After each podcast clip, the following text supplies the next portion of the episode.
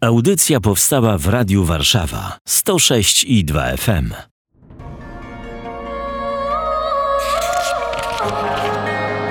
Księga. Księga. Księga.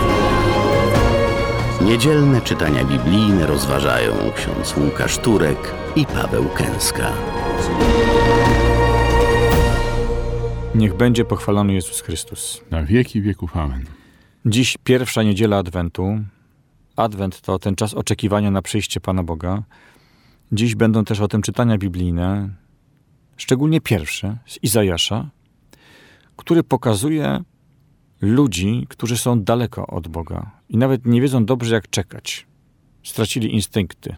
Chyba świat teraz tak e, czasem, może i często działa. E, Zdecydowanie, ale nawet jeżeli stracił ten instynkt, e, stracił z oczu cele, świadomość tego, kim jest i do kogo zmierza, to nie zmienia to faktu, że całe stworzenie, każdy z nas, z ludzi w sposób szczególny, e, jest e, nastawiony na przyszłość, na oczekiwanie, na tą przyszłość, do której wszyscy zmierzamy, która nas do siebie pociąga, która nas wzywa, ponieważ to, co święty Augustyn odkrył i nazwał, mówiąc, że, mów, mówiąc właśnie o tym, że niespokojne jest serce człowieka, dopóki nie spocznie w Tobie, mój Boże, ponieważ stworzyłeś nas dla siebie. I gdzieś mamy w sobie wszczepiony ten pierwiastek dążenia do prawdy, do piękna, do dobra. Mm, Jesteśmy ukierunkowani po prostu na przyszłość, do czegoś zmierzamy. I teraz właśnie Advent jest idealnym momentem, żeby sobie e, uświadomić, na co czekamy, na kogo czekamy, e, gdzie sposób taki pełny mogą się te nasze pragnienia, tęsknoty, pytania, które sobie zadajemy, gdzie mogą znaleźć odpowiedź, przez co mogą zostać wypełnione. Zaczynamy od księgi proroka Izajasza, rozdział 63, wersy od 16 do 17 i 19 oraz z rozdziału 64, wersy od 2 do 7.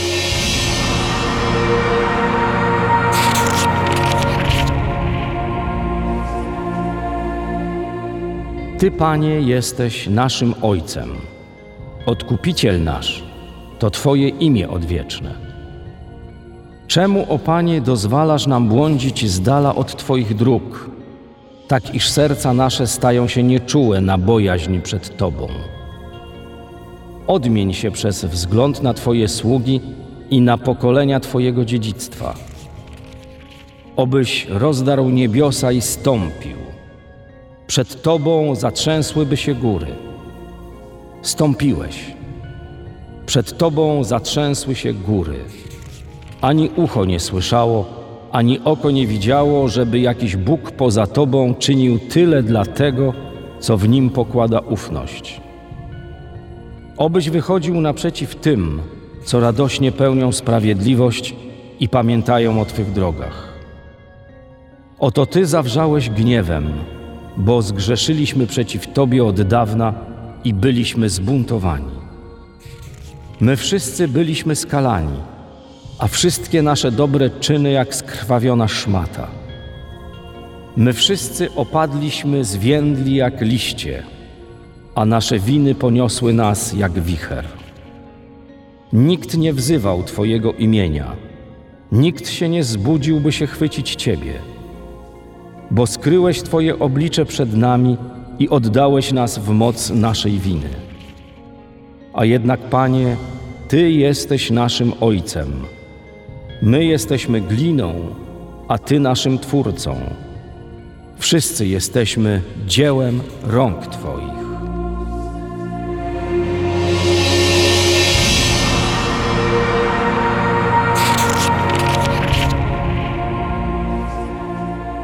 Wstrząsające jest to czytanie. Ono pokazuje ludzi, którzy oddalili się od Boga i chcieliby wrócić. Nawet nie rozumieją, jak dobrze o tym myśleć. Dozwalasz nam błądzić z dala od Twoich dróg, tak iż serca nasze stają się nieczułe na bojaźni przed Tobą. Wszystkie nasze dobre czyny jak skrwawiona szmata. Pogubiliśmy się, chociaż być może idzie nam całkiem nieźle. Są takie miejsca na świecie, gdzie wszystko idzie świetnie, ekonomicznie, najwyższe dochody yy, na głowę i najwyższa liczba samobójstw. Tak, to Izajasz stawia to pytanie y, Panu Bogu. Dozwalasz nam błądzić z dala od Twoich dróg, tak iż serca nasze stają się nieczułe na bojaźń przed Tobą? właśnie to jest ten dramat ludzkiej wolności, która jest konieczna w naszym życiu, która jest takim największym darem Bożej miłości, dlatego że potrzebujemy jej po to, żeby móc kochać, żeby móc dokonywać wyborów, żeby móc y, kochać Boga, żeby móc odkrywać Jego obecność w swoim życiu, żeby też móc odkrywać plan, jaki Pan Bóg ma wobec nas ale ponieważ dał nam Pan Bóg wolną wolę, w związku z powyższym y, dopuszcza tą możliwość taką, że my zamiast szukać Jego jako stwórcy naszego źródła i celu naszego istnienia, zaczniemy szukać zupełnie innych rzeczy, innych wartości. I pogubimy się w tym świecie. E, to, to wołanie, które Bóg przez Izajasza do nas kieruje, takie, no właśnie, dramatyczne w swoim, w swoim wymowie, jest y, takim zaproszeniem nas do tego, albo wezwaniem nas do tego. Człowieku, zobacz, dokąd zmierzasz Zastanów się nad tym, do czego prowadzi Twoje życie. No właśnie, nie wiem, do czego prowadzi moje życie, nie wiem, dokąd zmierzam, dlatego tutaj autor słów mówi: odmień się do Boga. Czyli ja już nic nie umiem zrobić, nawet dobrze nie umiem tego nazwać. To ty rozedrzyj niebiosa i stąp. Czyli zrób coś, rozwal ten świat. Hmm. Niech trzaśnie we mnie samochód, albo niech coś się stanie. Niech y, nie wiem, co będzie. No trzęsienie ziemi, bo mam już dosyć, bo nie ogarniam, mam tego dosyć. Ja myślę, że to wołanie to raczej płynie często z ludzi, którzy jakoś patrzą się na ten świat już troszeczkę e, z perspektywy ludzi wierzących, już może nie powiedzmy, że z perspektywy Pana Boga, ale czasami sprawiedliwy człowiek, czyli ten, który stara się żyć z Panem Bogiem, patrzy się na to wszystko i, i ma też takie oczekiwanie, że Pan Bóg powinien coś zrobić, że Pan Bóg powinien zainterweniować, że Pan Bóg powinien, prawda, wreszcie tupnąć nogą, e, bo inaczej to my sami do tego nie dojdziemy, nie dojrzejemy a jednak e, Pan Bóg stawia nieustannie na nasz rozwój, na to, że my będziemy dojrzewali, że, że z, tego, z, tej, z tego okresu, prawda, takiego pogubienia młodzieńczego, takiego buntu dziecięcego e, wobec wszelkiego autorytetu, że kiedyś z tego wreszcie wyrośniemy, że kiedyś damy szansę Panu Bogu, że kiedyś w tej swojej bezradności, której doświadczamy, zamiast oczekiwać jakiegoś, jakiejś rewolucji, jakiegoś takiego y, walenia Pana Boga, prawda, za pomocą samochodów, cegieł spuszczanych z drzewa, z dachów, czy skądkolwiek inąd, że my sami zwrócimy się do Pana Boga i poprosimy, Panie, stąp w moje życie. Stąp w mój bałagan, stąp w moją bezradność, stąp w moją nędzę, bo ja rzeczywiście sobie z tym nie radzę, ale kiedy gdzieś tam o Tobie coś usłyszę, coś przeczuję, jakieś natchnienie Twoje rozpoznam, to wierzę w to, że Ty masz jakiś plan na moje życie, nawet jeżeli ja już żadnego planu nie mam, bo wszystkie moje plany dotychczasowe legły w gruzach. Ja chcę, Panie, doświadczyć czegoś nowego w moim życiu, więc przyjdź do mnie i stąp. Ale gdzieś w tej postawie tutaj, y, w tym zaproszeniu Pana Boga, w tym wezwaniu Pana Boga, tak, w takim krzyczeniu do Pana Boga, żeby stąpił w moje życie, musi być postawa zrezygnowania z mojej własnej sprawiedliwości. Uświadomienia sobie tego, o czym tutaj y, dalej pisze, prawda, Bóg przez Izajasza nam mówi, że te wszystkie, że jesteśmy zbuntowani, że grzeszyliśmy, że wszystko, co sobie żeśmy tutaj, prawda, wymyślili, co stworzyliśmy, do czego żeśmy doszli, co było budowane totalnie bez Ciebie, nie ma żadnej wartości, nie ma żadnego sensu, nie daje mi szczęścia, porównane jest tutaj do tej skrwawionej szmaty, prawda? To dobre te, czyny są. Te wszystkie moje dobre czyny, tak jest, to jest dokładnie to, co my tak próbujemy sobie tą wieżę Babel budować, prawda? Dbamy na przykład bardzo usilnie o, o świat, mówimy nieustannie o globalnym ociepleniu, mówimy nieustannie o, eko, ekologii, prawda? Mówimy o stworzonkach, kolejnych gatunkach zwierząt, które giną na świecie. No to akurat w dużej mierze prawda. Więc... Ale to nie zmienia faktu, że ten świat tak czy inaczej przeminie i bez względu na to, jakie wysiłki my tutaj podejmiemy, ten świat się kiedy, kiedyś skończy, się może skończyć wcześniej niż my myślimy. Ale pogoń za ekologizmami, prawda, ideologiami takimi, które próbują stworzyć dla człowieka raj na ziemi, a, a człowieka uczynić Bogiem, który jest w stanie ten raj uczynić, na tym zapanować, prawda, i, i warunki klimatyczne zmienić i tak dalej, uświadomienie sobie, że to jest wszystko fikcja, że to jest wszystko fantazja, że to jest wszystko iluzja, że bez Pana Boga to nie ma najmniejszego sensu, że celem tak naprawdę i tym, który jest w stanie nadać sens mojemu życiu, uczynić je szczęśliwym i zachować także ten świat, który On przecież nam dał, stworzył go dla nas, powiedział, czyńcie go sobie poddanym, że tym kimś jest Bóg.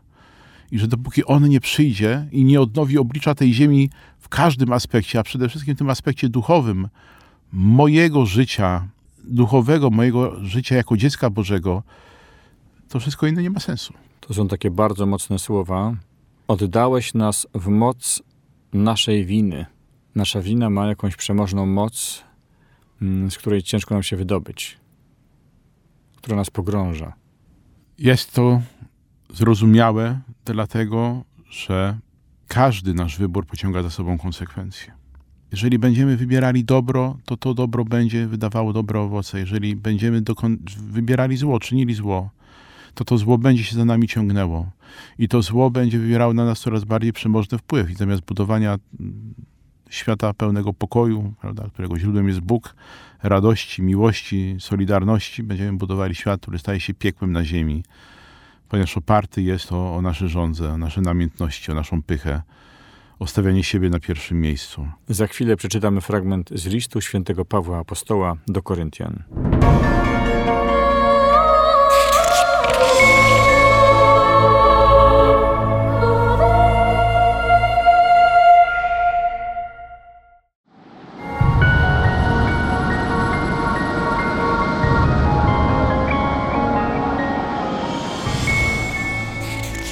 Czytanie z pierwszego listu świętego Pawła Apostoła do Koryntian, rozdział pierwszy, wers od trzeciego do dziewiątego.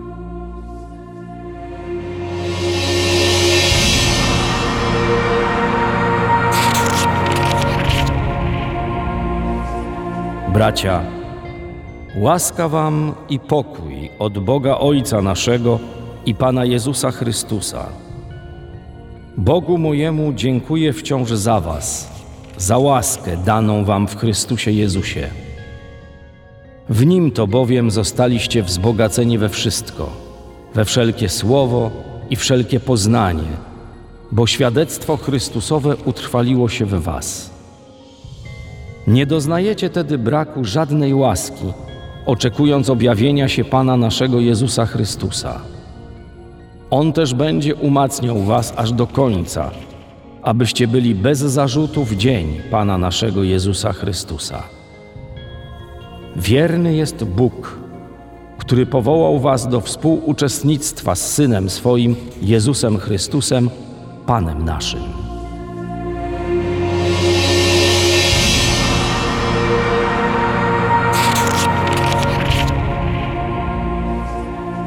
Nie doznajecie tedy braku żadnej łaski, oczekując objawienia Pana naszego Jezusa Chrystusa.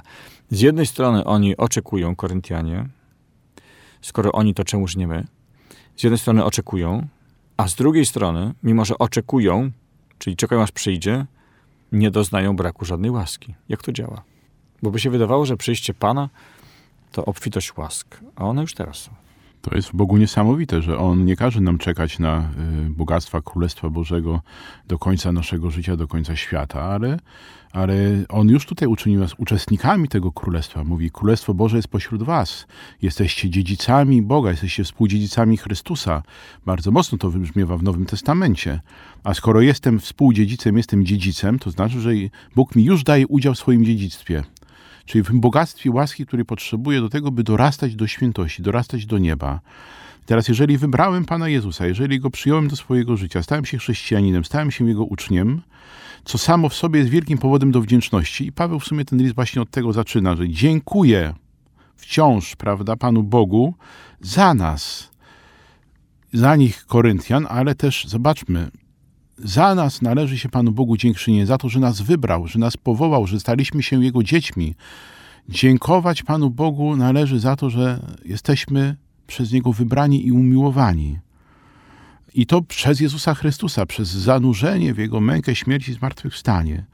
I właśnie dzięki Jezusowi, dzięki temu, co uczynił dla nas, kim nas uczynił, mamy Jesteśmy wzbogaceni we wszystko, czego potrzebujemy do tego, żeby stawać się coraz bardziej dziećmi Bożymi, stawać się coraz bardziej uczniami, stawać się coraz bardziej podobnymi do Boga.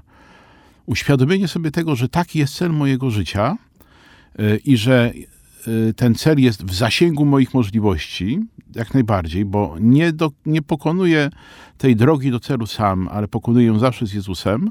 I na dodatek, że Jezus y, cały czas uzdalnia mnie do tego, żebym, żebym stawał się tym, kim mam być, jest źródłem wielkiej radości, jest źródłem też wielkiej pociechy. Tu jest napisane, że On będzie umacniał nas aż do końca, abyśmy byli bez zarzutów w dzień Pana naszego Jezusa Chrystusa. To jest dzień śmierci? Czy to jest sąd ostateczny? Co to za dzień Pana naszego Jezusa Albo Chrystusa? śmierci, albo końca świata, czyli sądu ostatecznego. To wszystko zależy, co przyjdzie pierwsze. Koniec to jest zakończenie tego czasu próby, zakończenie czasu oczekiwania. Tak? Czyli spełni się to, za czym tutaj staramy się tęsknić, co staramy się odkrywać jako wartość, do czego staramy się dążyć. To się spełni. To jest ten koniec. I Bóg do samego końca nas umacnia. To nie jest tak, że Pan Bóg nas zostawi w którymś momencie i powie, teraz radź sobie sam. Ale to też jest bardzo ważna nauka, że y, nieważne jest to, jak zaczynamy, ale ważne jest to, jak kończymy, jak klasyk powiedział. Tak? Bo czasami może być rzeczywiście tak, że gdzieś w swojej młodości, w jakimś etapie życia ja jestem naprawdę oddany Panu Bogu gorliwy, wyszedłem z jakiejś, jakiegoś ruchu formacyjnego y, i z dobrej rodziny, która mi przekazała wartości, a ja potem gdzieś się w tym świecie zupełnie pogubię, o Panu Bogu zapomnę. To nie znaczy, że Pan Bóg przestał mnie umacniać. Pan Bóg mnie cały czas umacniał i umacnia, tylko pytanie jest, co ja z tym jego umacnieniem robię. Więc to słowo nam też przypomina o konieczności takiej walki, też czujności, e, pilnowania siebie, strzeżenia dróg, którymi kroczę. Czy aby na pewno to są cały czas drogi Pana Jezusa, e, drogi Boga, a nie mm, na przykład drogi już tego świata, które zupełnie innym kierunku prowadzą. Zobaczmy, że Paweł tutaj także mówi o tej wierności Boga, wierności Boga. I to słowo myślę, że warto sobie tak rozważyć. Yy, Bóg jest wierny mi. Nawet jeżeli ja czasami, a może często nie, nie jestem wierny Jemu, Bóg jest wierny mi, bo jest wierny sobie, wierny swojej obietnicy, wierny swojej koncepcji, swojemu planowi, temu, w którym ja się pojawiłem już przed założeniem świata, jako ten, który ma być święty i nieskalany przed Bożym obliczem. I dlatego prawda, uczynił mnie Bóg tutaj na ziemi, powołał mnie do tego, żebym współuczestniczył z Jezusem. Współuczestniczył z Jezusem, żebym miał udział w tym, co Jezus, co Jezus dokonał, co mi dał, co wysłużył na krzyżu. Wszystko to, co Bóg czyni przez Jezusa Chrystusa w moim życiu, co czyni przez posługę Kościoła, co mi daje przez sakramenty, daje mi przez swoje słowo, daje mi przez wspólnotę, którą tworzymy, chociażby właśnie przychodząc na Eucharystię, wsłuchując się i karmiąc się ciałem Pana Jezusa. Wszystko to jest właśnie wypełnieniem tego Bożego zamysłu, któremu Bóg jest wierny, abym był święty i nieskarany przed Jego obliczem, abym był doskonały, abym był bez zarzutu. I bardzo ważne jest to, że to Bóg mnie takim chce czynić i On mnie takim czyni. Ja ze swej strony jestem zaproszony do tego, żeby na to Boże pragnienie odpowiedzieć, żebym odpowiadał Panu Bogu na Jego pragnienie, otwierając do Niego swojego ser swoje serce, żebym odpowiadał na nie, wsłuchując się nieustannie w to pukanie, które do drzwi mojego życia się, roz, się rozlega. Bo za tymi drzwiami stoi Jezus. I wtedy, kiedy mi się zdarzy o Nim zapomnieć, kiedy mi się zdarzy pogubić w tym świecie, to Bóg będzie jeszcze głośniej pukał. Mówi, otwórz mi, bo ja chcę wejść do Twojego życia. Ci w poprzednim czytaniu to tak byli głusi, że nic nie słyszeli. Do tego stanu jesteśmy się w stanie doprowadzić bez najmniejszych wątpliwości. Tak, przez konsekwentne zatykanie uszu rzeczywiście. W mojej ulubionej książce, prawda, czyli w opowieściach z Narni jest takie zdanie, które Aslan wypowiada jacy, do takiego jednego człowieka, jednego bohatera, jacy wy ludzie jest, potraficie być przemyślni w uczynieniu się niezdolnymi do usłyszenia tego, co chcę wam powiedzieć, co chcę wam dać. Jesteśmy naprawdę przemyślni bardzo często, żeby się uczynić niezdolnymi do usłyszenia Słowa Bożego, do przyjęcia od Niego łaski, więc tej przemyślności powinniśmy się zdecydowanie wystrzegać, a możemy się jej wystrzegać tylko i wyłącznie wtedy, kiedy ciągle będziemy czuwali, badali swoje sumienie, badali swoje serce, dbali o stan łaski uświęcającej, karmili się Jezusem, Jego Słowem, Jego ciałem. Wtedy będziemy bezpieczni. Za chwilę usłyszymy fragment z Ewangelii według świętego Marka.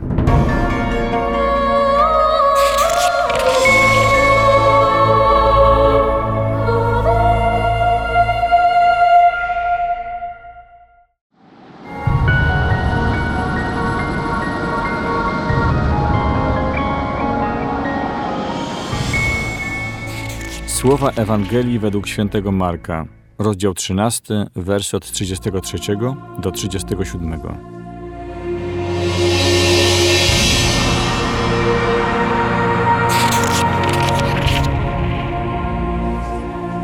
Jezus powiedział do swoich uczniów: Uważajcie, czuwajcie.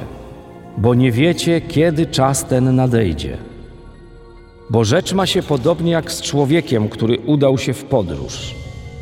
Zostawił swój dom, powierzył swym sługom staranie o wszystko, każdemu wyznaczył zajęcie, a odźwiernemu przykazał, żeby czuwał. Czuwajcie więc, bo nie wiecie, kiedy Pan domu przyjdzie, z wieczora czy o północy, czy o pianiu kogutów, czy nad rankiem, by niespodziewanie przyszedłszy nie zastał was śpiących. Lecz co wam mówię, do wszystkich mówię. Czuwajcie.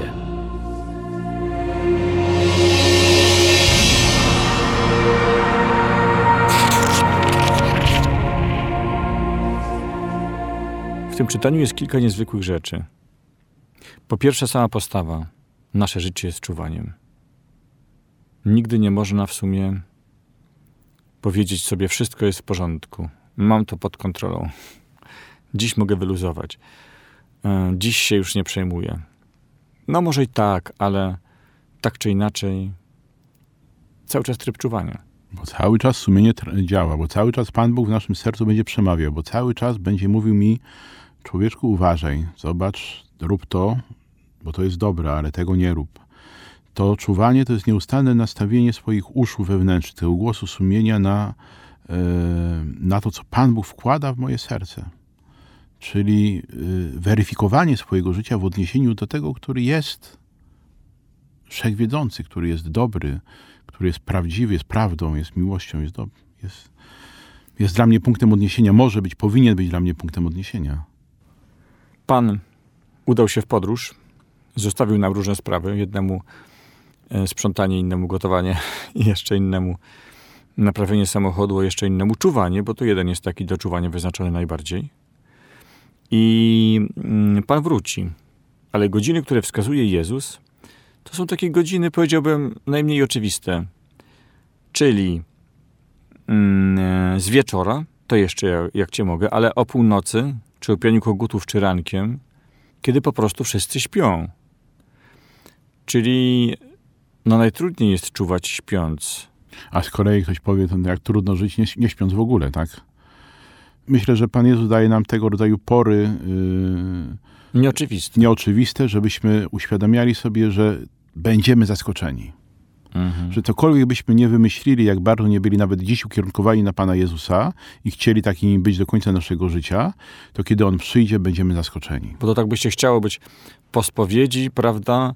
I jeszcze, żeby po Eucharystii. Tak.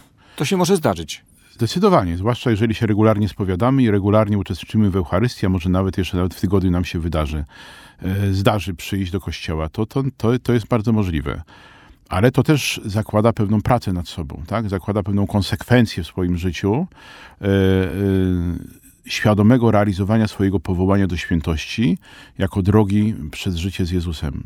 Czyli cokolwiek innego bym na świecie nie robił, jakiegokolwiek powołania bym nie realizował, jakiego zadania zawodowego bym nie wykonywał, w jakimkolwiek bym wieku nie był, czy w, młodości, prawda, czy w pełni sił, czy w wieku e, starszym, emeryckim, to ja cały czas e, chcę wszystko, co robię, robić z Jezusem, robić dla Jezusa i, i żyć ukierunkowany na Niego. I to jest e, bardzo trudne. Ale nawet jeżeli jest trudne, to wcale nie znaczy, że to jest niemożliwe. To jest jak najbardziej możliwe, bo do takiej właśnie drogi zaprosił nas Jezus. Być ukierunkowanym na Niego, mówi ksiądz, ale jak się czyta to czytanie, to jest taki piękny, mocny obraz. Zostawił swój dom, mhm. udał się w podróż. Mhm. Moje życie, na to wychodzi. To jest jego dom. To jest jego dom. I on do tego domu wróci. I chciałby go zastać dobrze przygotowanym. Tak?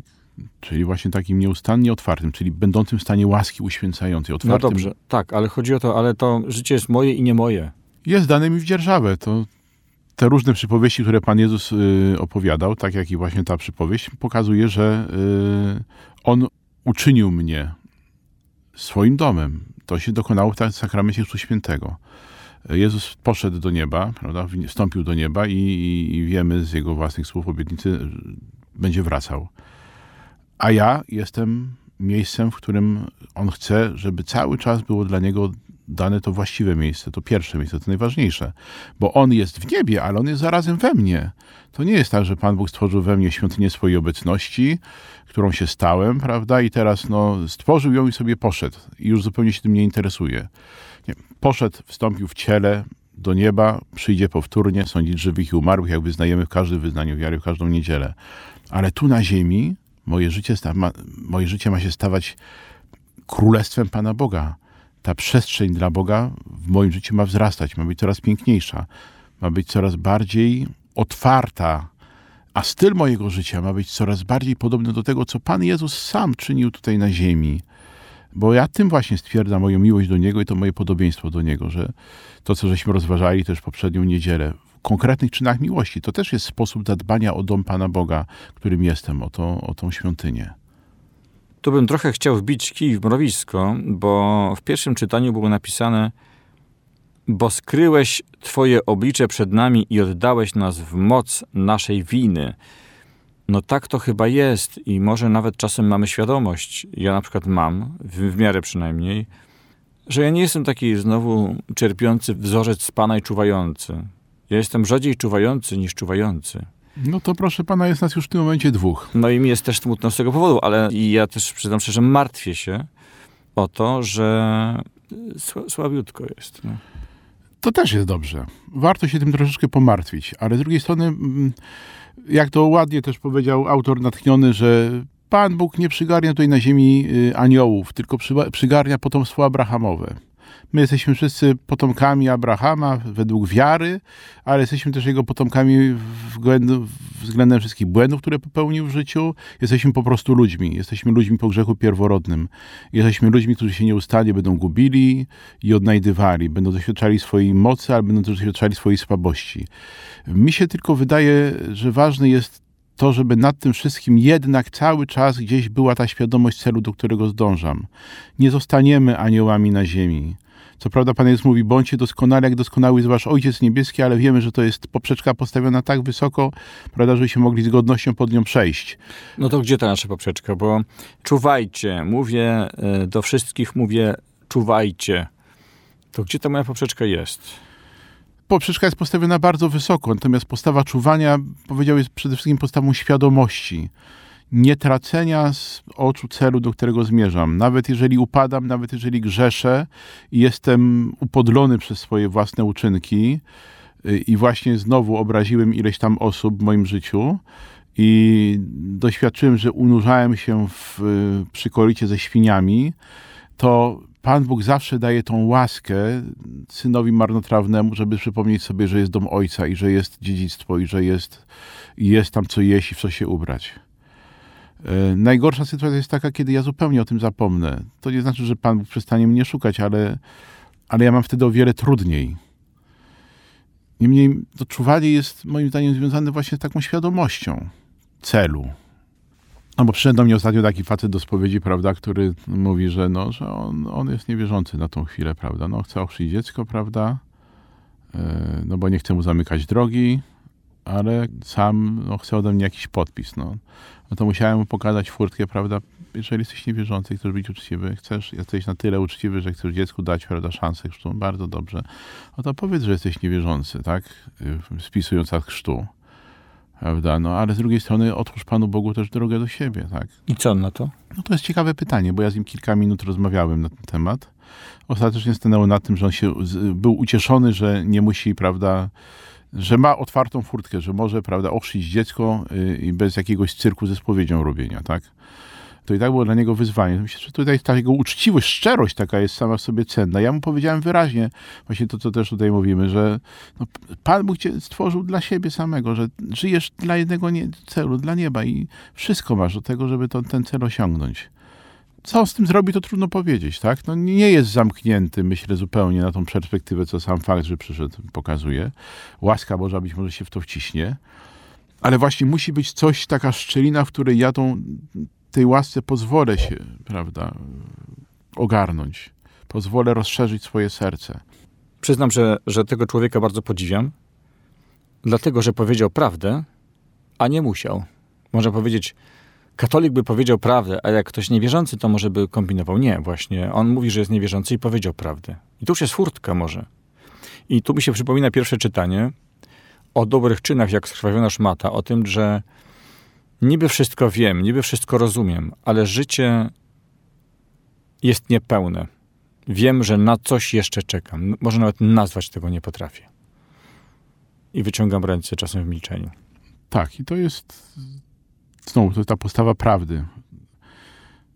Zresztą Pan Jezus powiedział, poznacie prawdę, prawda was wyzwoli. Pierwsza prawda, którą, yy, którą chce nam Pan Bóg pokazać, to nasze miejsce, gdzie my w tym obecnym, w tym momencie mojego życia jestem, na jakim etapie jestem, w, gdzie się znajduję, jaka jest moja sytuacja.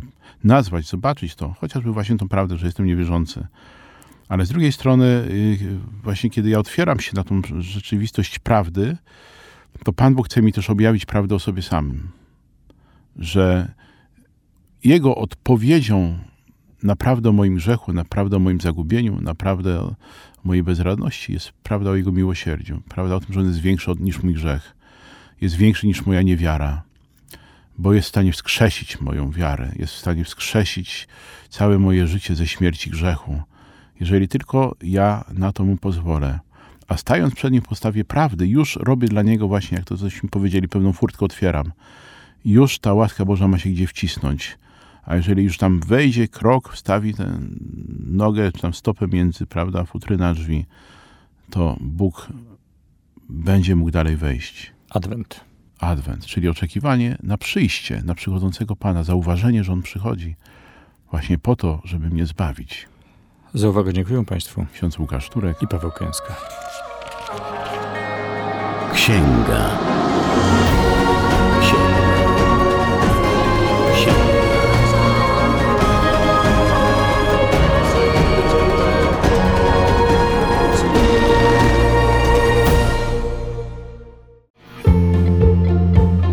Radio Warszawa tworzy program dzięki wsparciu finansowemu słuchaczy.